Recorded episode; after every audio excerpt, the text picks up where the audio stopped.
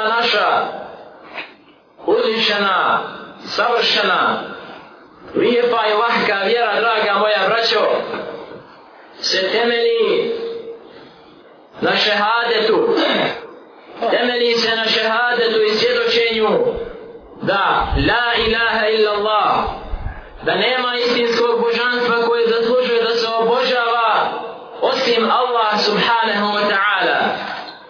Svjedočenje koje sadrži u sebi čvrstu negaciju svega onoga što se veliča i obožava mimo i pored Allaha subhanahu wa ta'ala. A s druge strane potvrdu da jedino Allah subhanahu wa ta'ala ima pravo i polaže pravo na obožavanje. To je prvi dio šehadeta o čijem značenju smo često govorili.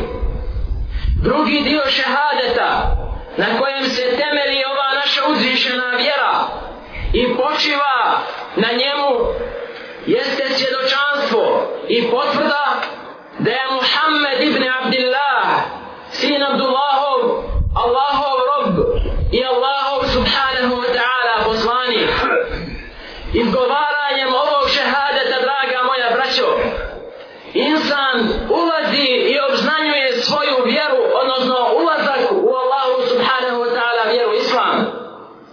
I obznanjuje svoju saglasnost sa svim onim što Allah subhanahu wa ta'ala propisuje naređuje i zabranjuje.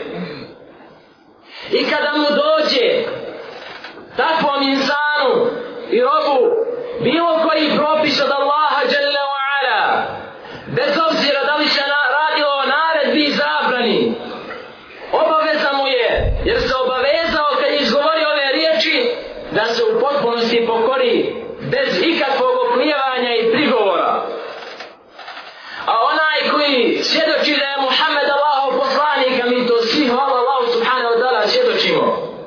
Drugim riječima govori drugim riječima govori prihvatam da ću vjerovati Muhammedu sallallahu alaihi wa sallam u svemu sve ono što bude govorio obavještavao od vijesti bez obzira radilo se to o priješnjim vijestima o vijestima sadašnjosti i vijestima koje se dogoditi u budućnosti.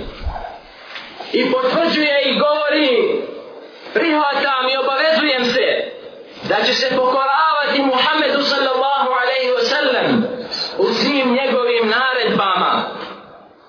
I obavezujem se i pristajem da ću izbjegavati zabrane Muhammeda sallallahu alaihi wa sallam Allahovog i našeg milenika i na kraju insan se obavezuje svjedočanstvo da je Muhammed Allahov poslanik da će obožavati Allaha i pokoravati mu se i ispovijedati vjeru islam jedino onako kako je to radio Muhammed sallallahu alaihi wa sallam.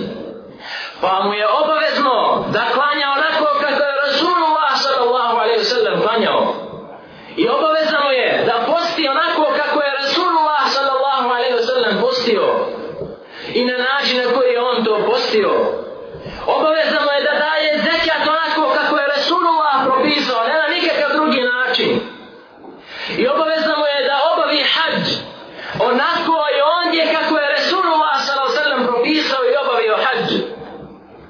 Kada bi neko došao koji svjedoči da je Muhammed Allahov poslanik i rekao hoću da obavim hađ svojim putovanjem u neku drugu zemlju osim Saudijske Arabije putovanjem u Ameriku ili Njemačku da posjetim neka tamo brda i da obavim sve one obrede koje se rade, koji se rade u Mekiji Da li mu je taj hađ ispravan?